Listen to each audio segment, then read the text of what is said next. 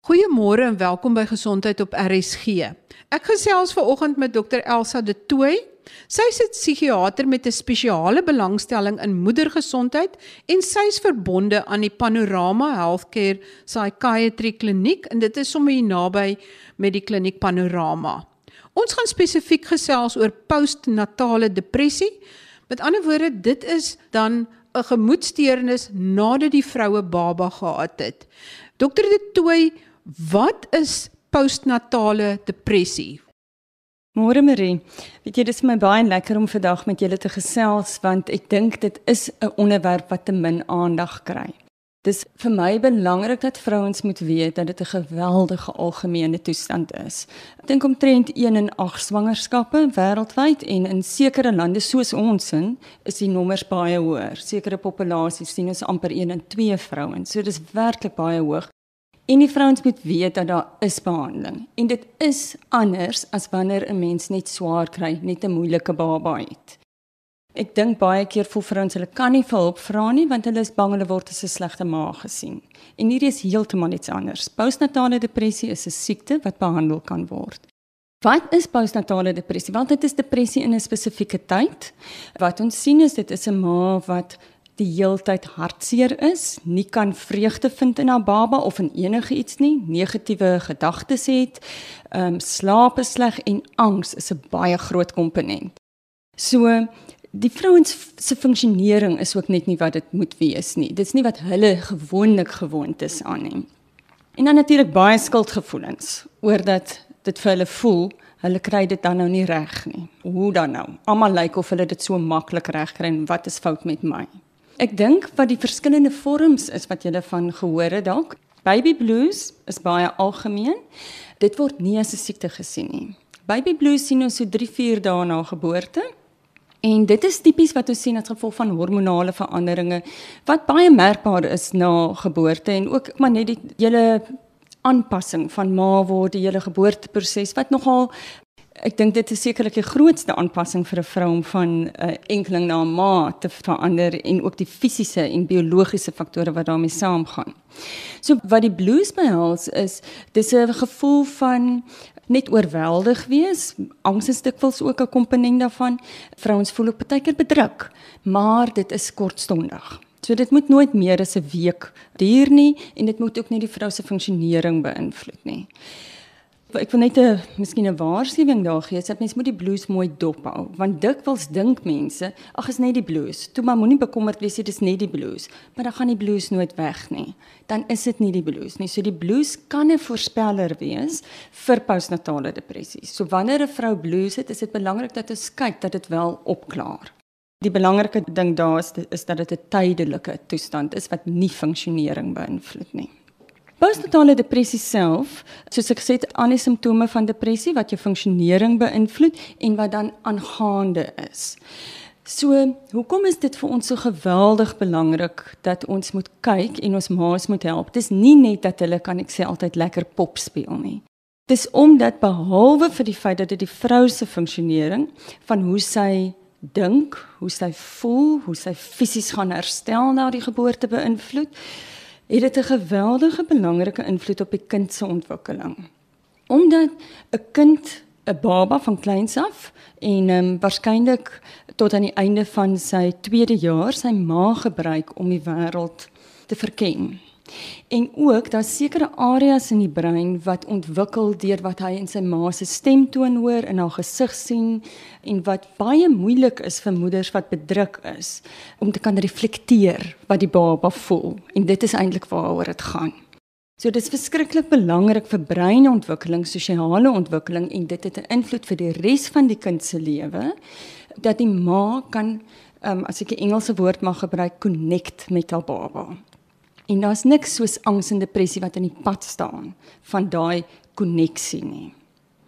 En dit is hoekom dit vir ons so belangrik is dat ons postnatale depressie korrek moet diagnoseer en dan ook tweedens korrek moet behandel. Die ander ding is as ons kyk na vorms, dan is dit dat depressie is 'n simptoom van verskeie psigiatriese siektes.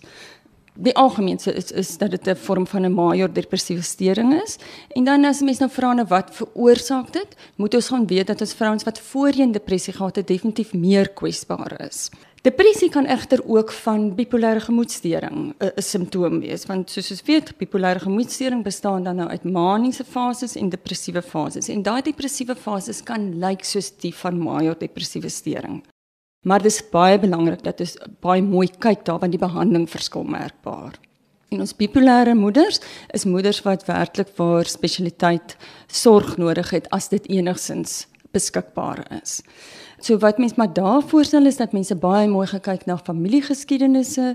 As dit 'n vrou is wat enigsins gemoed swaaye gehad het van baie gelukkig, baie geïrriteerd na baie bedruk in haar lewe al, is dit dinge wat sy en haar gesondheidswerker moet ehm um, uitklaar sodat 'n mens nie jou bipolêre gemoedstoornings hierso mis nie. Dokter De Tooy, as jy kyk na die jy het nou gepraat van baby blues en dat die een uh, bedruk voel en so aan, maar as dit langer as 'n week aanhou, dan moet mens groot erns daarmee neem. Maar as 'n vrou by jou inkom, wat is daai hoofsimptome wat vir jou die rooi ligte laat aangaan? Marie, ek dink wanneer 'n mens 'n vrou evalueer is, is geskiedenis geweldig belangrik. Ek het nou reeds genoem dat vorige depressie um, in haar leeftyd vir haar definitief meer kwesbaar maak. Maar ek dink As ek vrouens sien met postnatale depressie, waarskynlik meer as 80% van hulle het reeds simptome tydens swangerskap gehad. Ek dink dis 'n verskriklike belangrike ding dat mense nog onder die wanpersepsie verkeer dat vrouens maar moet suffer te wille van hulle ongebore babas. En ons weet dit is nie so nie. As die ma swaar kry, kry die ongebore baba ook swaar. En ons weet dat wanneer vrouens reeds bedruk is in swangerskap, is dit 'n verskriklike sterk voorspeller vir postnatale um, depressie. So vrouens moet alreeds wanneer hulle tydens swangerskap hierdie simptome ervaar, vir hulp kom. So ek dink ehm um, geskiedenis geweldig belangrik daai vorige geskiedenisse ook dinge soos wat is die graad waarvan ons praat is dit 'n ma wat vir jou sê sy wil nie meer lewe nie en dit is iets waarvoor ons moet vra dit is iets wat ons dikwels sien in swangerskap ook daardie selfmoordideasies en wat vrouens baie skaam is om oor te gesels. Dis baie keer 'n manier van uitdruk van ek wil nie, ek wil weghardloop, maar 'n mens moet vra hiervoor en dit is altyd ehm, 'n um, gevaarteken dat die vrou wel hulp nodig het. Ander dinge is dinge soos ehm um, wat het tydens die swangerskap gebeur? Was dit 'n komplekse swangerskap met miskien komplikasies, miskien 'n verlengde hospitaalverblyf. Die kraam self, was dit traumaties? Ons sien baie keer dat vrouens kraam traumaties ervaar, hoewel die gesondheidsspan gedink het dis 'n doodgewone normale kraam. So dit gaan oor die ervaring van die vrou ongeag wat die gebeurte was. En as sy haar geboorte as traumaties ervaar het, mag dit 'n merker wees en iets wat haar 'n risiko maak vir postnatale depressie. Ander goed is wat geweldig belangrik is, is die ondersteuningsraamwerk. Hoe lyk haar intieme verhouding met die pa van die baba of met haar lewensmaat? Dit is 'n groot voorspeller vir hoe die pad vorentoe lyk. Ehm um, is sy alleen by die huis? Is daar iemand wat kan vir haar help, 'n hand gee, vir wie sy kan voel sy kan mee gesels of bloot net daar wees? Want ek dink die isolasie wat vrouens ervaar na geboorte is geweldig groot. Soms voel hulle asof die huise mure hulle wil saamdruk en asof hulle net glad nie kan wegkom nie. En daai is maar die tipe dinge waarna ons kyk. En dan ek dink bo alles is ook om na die funksionering van vrouens te kyk. Maar weer eens 'n woord van waarskuwing. Vrouens wat oor die algemeen hoogs funksionerend is, funksioneer voort. Hulle kom dikwels eers by ons aan as hulle regtig baie siek is, want hulle hou aan om hulle babas te versorg. Hulle hou aan om hulle take te doen terwyl hulle eintlik baie sleg binnekant voel. Ehm um, terwyl ek nou praat van babas versorg, ek dink daar's 'n ander ding wat ons dikwels vergeet en dis dat daar ander kinders ook by die huis is. Veral wanneer 'n mens dink aan ek is 'n depressieleier en moet ek my pille stop omdat ek wil swanger raak. Mens moet onthou van hoe die omstandighede lyk in jou huis. Is daar dalk nog 'n kleintjie onder 3 jaar wat jou nodig het om die beste ma te wees wat jy kan wees in die beste gemoedstoestand wat jy kan hê? Dikwels dink ek wanneer 'n mens na risiko-analises kyk, vergeet mense om daarna te kyk. Mense kyk net na die fokus slegs op wat is die moontlike gevare van pille en vergeet dat dit eintlik vir ons niks sê nie. Ons kan bloot sê of iets voordelig of nadelig is as ons gaan kyk na onbehandelde siekte versus behandelde siekte en wat wat is die risiko's van ons moontlike behandelingsplan versus dit van 'n 'n ma wat is onbehandeld laat. En ons doen ook dit wanneer ons besluit oor 'n um, behandeling postnataal wanneer ons dan borsvoeding in ag neem. Dan gaan sit ons weer met presies dieselfde ding. Wat beteken dit as ons die ma onbehandeld sal laat? En hier wil ek ook net sê onthou behandeling is nie net medikasie nie. Medikasie is maar deel daarvan en vir baie van die vrouens wat ons sien, het ons medikasie nodig. Maar daar's baie ander dinge. Ons kyk na lewenstyl dinge soos oefening wat baie goeie data het, ehm um, nutrisie, sielkunde, maar dit hang af van die vrou se spesifieke profiel van wat ons sal kies om deel van daai behandelingsplan te maak. As jy praat van behandeling, gestel dit is 'n vrou wat nou al voor dat sy swanger geraak het, gebruik sy antidepressante. Wat staan daar te doen? Kan die antidepressante die fetus beskadig of seermaak of 'n nadelige effek op die fetus hê? Want jou eerste gedagte is maar om alle medikasie te laat staan. Maar wat is die werklikheid? Baie dankie Marie, daaroor wil ek baie graag gesels want ek dink ons dink ons vat alle risiko weg as ons alle pille stop. En inderwaarheid dink ek is dit die heel belangrikste boodskap wat ons dalk vandag aan ons luisteraars kan gee is dat depressie is 'n siekte soos enige ander siekte. En ek dink 'n risikoprofiel moet eintlik gedoen word vir enige siekte wat ons behandel in swangerskap. So depressie is nie daar anders nie. Maar ek dink wat ons vergeet is dat soms is om jou pille te staak 'n groter risiko vir jou en jou ongebore baba as om net voort te gaan daarmee. Die data van antidepressante is baie goed. Die literatuur is baie Ek dink dit is eintlik die mees bestudeerde medikasie van alle medikasie in swangerskap. So ons weet baie daarvan. En onbehandelde psigiatriese siektes in moeders is ongelukkig ook 'n groot risikofaktor vir beide baba en ma. So ek dink daar is ongelukkig nie 'n algoritme nie. 'n Mens kan nie sê as 'n vrou depressie het dan dit kan ons doen nie. Dit gaan daaroor dat elke vrou moet gaan en ons kyk na haar siekte, die geskiedenis, wat se medikasie sy op was en wat was voorheen effektief en nie. Dan kyk ons na die tipe medikasie waarop sy is en wat ons weet daarvan en wat is die risiko's daarvan? Ons weeg dan daardie twee teen mekaar op en besluit dan op die ou einde hoe om voort te gaan. Daar is nie 'n ding soos 'n risikovrye swangerskap nie. Dit bestaan nie. Jy kan 20 jaar oud wees, top fiks en geen siekte hê nie. Swangerskap kom met basislyn risiko's. Byvoorbeeld, 1 tot 3% van babas word met 'n abnormaliteit gebore. Dit is net soos dit is. En die rede hoekom ek dink dit belangrik is dat mense dit moet weet is want ek dink ons gebruik 'n 0% basisrisiko as ons dink aan pille se effek en ons het nie 'n 0% basisrisiko nie. So wanneer ons wil gaan kyk na is die pille soos jy nou gesê het gevaarlik vir die baba, moet ons die basislyn risiko wat 1 tot rondom 3% is gebruik. Daar is geen antidepressant vandag wat dit oorskry nie. So wêreldwyd word antidepressante nie as ons praat van teratogene 'n teratogene is 'n middel wat 'n baba 'n strukturele wanvorming kan gee en die antidepressante word nie onder hulle geklassifiseer nie.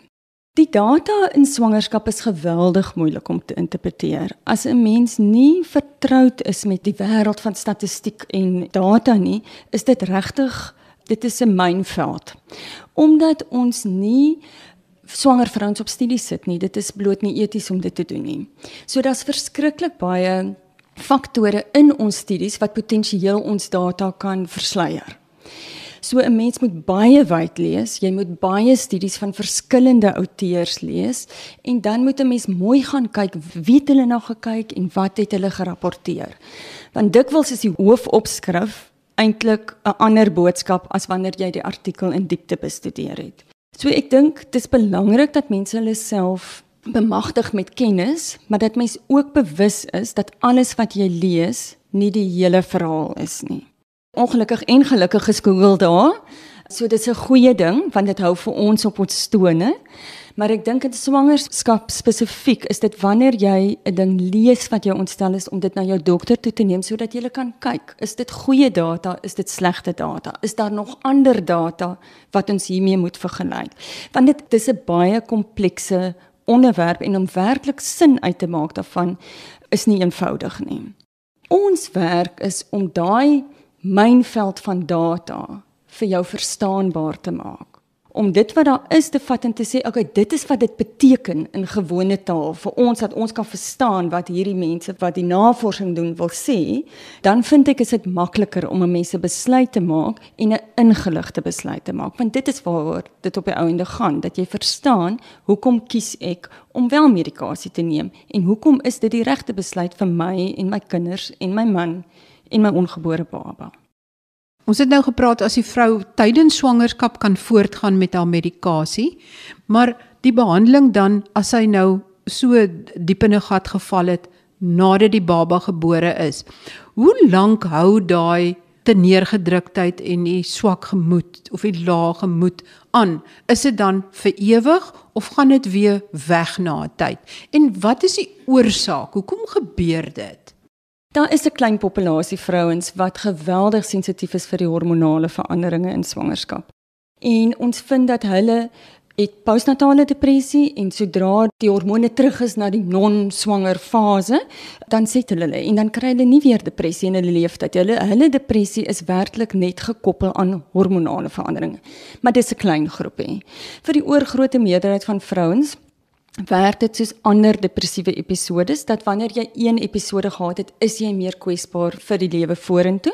Maar weer eens niks is weet in sement vasgelê nie en en elke individu stap nou maar sy pad soos dit loop. Ek beveel altyd aan dat as ons 'n postnatale depressie gehad het, om dit te mik om ten minste vir 'n jaar te behandel. Vir die eenvoudige rede dis 'n jaar van geweldig baie veranderinge vir die meeste ma's van min slaap baie keer moet ons terug gaan werk toe. So daar's so baie konstante veranderinge, konstante uitdagings dat dit net 'n kwesbare tyd is om te probeer medikasie verminder of weg te neem. En jou kanse om dit weg te neem sou jy sonder medikasie wil wees waarskynlik beter na daai tydperk. Die ander ding is as jy 'n kroniese depressie leier is, dan gaan jy waarskynlik langer en miskien selfs lewenslank moet medikasie gebruik, bloot omdat jou kanse vir 'n relapse soveel groter is as iemand wat nie kroniese depressie het nie. Die oorsaaklike faktore, ons het nou reeds genoem die hormonale veranderinge want daar is 'n verskriklike groot hormonale swaai as ek dit so kan noem, feitelik onmiddellik na geboorte. Genetika speel 'n rol. So as jy 'n ma of 'n sussie het met postnatale depressie, is jou kans waarskynlik ook hoër. Dis waarskynlik in elk geval hoër as jy 'n familielid het. Vorige depressie het ons reeds genoem, die die traumas, as hy enige trauma was in swangerskap of tydens die geboorte. En dan sosiale omstandighede. Ek dink ek kan dit nie genoeg benadruk nie. Ons het vir baie lank die paas of die lewensmaats geïgnoreer in moederlike gesondheid en in perinatale psigiatrie en ek dink die laaste paar jaar het dit geweldig duidelik geword dat dis nie net die ma se gemoed wat die baba ontwikkeling beïnvloed nie. Die paas is net so belangrik. En dit is baie interessant dat daar 'n lineêre verhouding is tussen die paas en die ma se gemoed wat mens miskien ook vir die dokters wat ingeskakel is kan sê as jy 'n moeder het met postnatale depressie, moet jy gaan kyk na die maat se gemoedstoestand ook. Want die paas is vir so groot buffer. Dis so 'n ongelooflike groot buffer. Ons weet ook as ons sessies doen, verhoudingssessies vooraf, um, tydens swangerskap reeds met 'n bietjie voorbereiding vir wat kan ons verwag van 'n klein baba? Wat sal dit doen aan ons verhouding? As 'n man en vrou, nie net as pa en ma nie dan is dit 'n groot buffer vir postnatale depressie. En so is die pa se gemoed ook 'n groot buffer vir die baba. So kan ons dink as as ons twee ouers het in 'n huis wat bedruk is of angstig is en dat die invloed dan dubbel is. So ons moet baie mooi onthou om ook na die stelsel te kyk. Geen mens funksioneer op 'n geïsoleerde eiland nie. Ons is almal deel van 'n stelsel. Ons is sosiale wesens want mens behandel nie net 'n individu nie. Jy jy behandel die ma en dit het 'n effek op haar baba, maar ook op haar gesin en op haar op haar man, op haar werksmense en, en ultimately op die gemeenskap. Dis eintlik 'n wonderlike plek om te werk en om voorkomingsterapie eintlik te doen.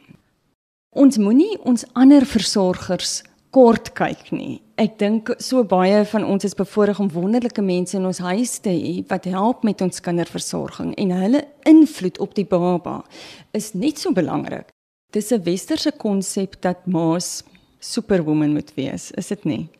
Ons moet ophou bang wees om te vra vir hulp omdat ons hierdie persepsie het dat ons almal moet superwoman wees. Ons doen niemand te guns nie. Dokter Tooi na baba se geboorte is ek dink die meeste ouers is maar oorweldig. Hulle kry min slaap. Dis vreemd, dis nie hulle kry miskien nie hierdie gevreeslike oorspoeling van liefde vir die dingetjie wat hulle so wakker maak in die nag nie en hulle moet doeke omruil of borsvoed of bottels bring en goed. Hoe weet mens dat jy nie net gewoonweg oorweldig is nie en wanneer jy moet hulp kry? Jy is heeltemal korrek. Ons was almal maar tot 'n mate oorweldig met 'n nuwe baba want 'n nuwe baba kan jou tweede, derde of selfs vierde baba wees. Dit hang maar van baba se temperament ook af en jou omstandighede op daardie punt. Ek dink dit is miskien een van die redes hoekom so baie vrouens onbehandeld gaan en hoekom so baie die diagnose gemis word.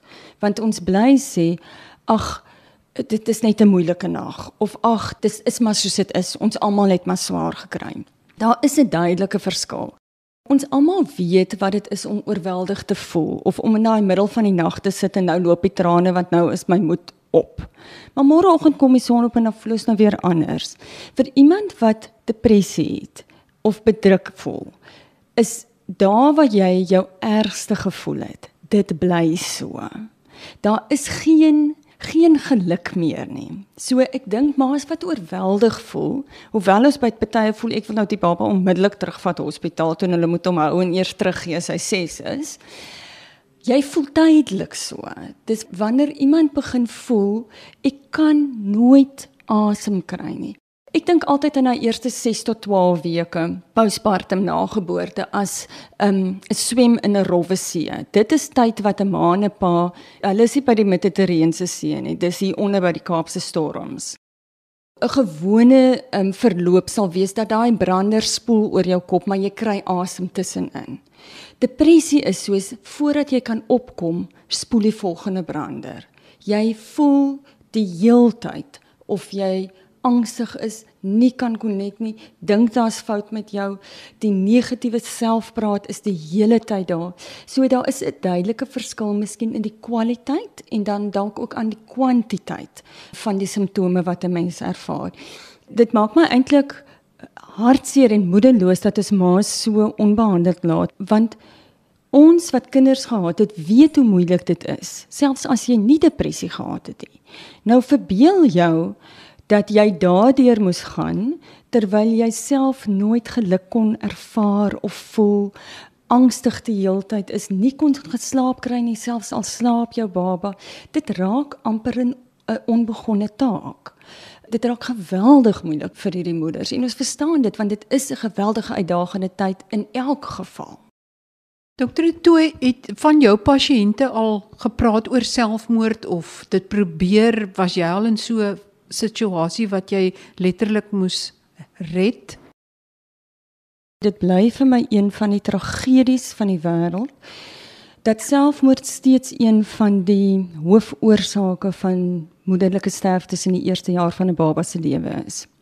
Ek dink dit is 'n swak refleksie op ons want ek dink ons mis ons ma's en die stelsel faal hulle. Dit is so dat ma's wat selfmoord pleeg in meer as 80% van die kere 'n psigiatriese siekte het wat ons kan behandel en wat net of nie by ons uitkom nie of ons sien nie die simptome nie of ons behandel hulle nie effektief nie. Ek dink dit is verskriklik belangrik om te vra daarvoor as jy werk met ma's wat swanger is of in die postnatale um, periode want die ma's voel skuldig om dit te sê. Maar dit is iets wat aangespreek moet word en ons mag nooit dit ligtelik opneem as 'n vrou praat van ehm um, selfmoordgedagtes nie. Eh, Dokter Tooi, wat is jou slotboodskap? As jy wil hê die luisteraar wat nou sit en luister, moet een belangrike ding onthou. Dit is vir my geweldig belangrik dat vrouens moet weet daar is nie fout met jou nie. Daar's nie fout met jou om 'n ma te wees nie. Maar as jy voel soos jy voel, gaan vra vir hulp. Ons kan vir jou behandel. Die die goeie ding van die goed is dit is baie behandelbare siektes selfs tydens swangerskap. As mense een ding hoor, hoor dit dat medikasie tydens swangerskap nie gekontra-indikeerd is nie. Dit beteken jy kan depressie behandel tydens swangerskap en ons kan dit veilig doen. En dis dikwels meer veilig om 'n ma te behandel as om haar onbehandel te laat. So die vrouens moenie alleen voel nie. Dis 'n algemene ding wat gebeur as ons dit behandel, gaan jy sien hoe alle ander simptome en daai gevoelens hoe dit gaan verdwyn. Kyk, baie keer kom dit nog, nê. Nee, ons ons kan nou lekker lag daaroor, maar ek dink alle ma's ervaar dit by tye en dit is ook normaal. Ons moet dit dan nou net nie die hele tyd so dink nie. Ons kan depressie behandel en ons moet dit behandel. Vra vir hulp, jy's nie alleen nie. Daar is nie fout met jou as 'n ma nie. Jy het net 'n siekte wat dinge moeiliker maak as wat nodig is. Baie dankie aan my gas, Dr Elsa de Tooy, psigiater by uh, Panorama Healthcare Psychiatry net hier naby Panorama Medikliniek. En as jy net 3 of 4 dinge kan onthou van vandag se gesprek is: soek hulp as jy voel jy gaan verdrink, as hierdie golwe oor jou spoel en jy voel jy kry nie asem tussenin nie. En oefening is baie belangrik, stap is voldoende kom net buitekant wat jy vars lug inasem en iets anders doen as om bloot die baba te versorg. Eet gesond want mense wat dan depressief raak is ook geneig om net kitskosse en verkeerde kosse te eet wat nie so voedsaam is nie. Moenie rook nie en moenie bang wees om na jou dokter en jou psigiatër toe te gaan en as hulle vir jou middels voorskryf tydens swangerskap en na swangerskap weet dan dat dit wel veilig is. Tot volgende week wanneer ons weer gesondheidsake gesels. Groete van my, Marie Hudson.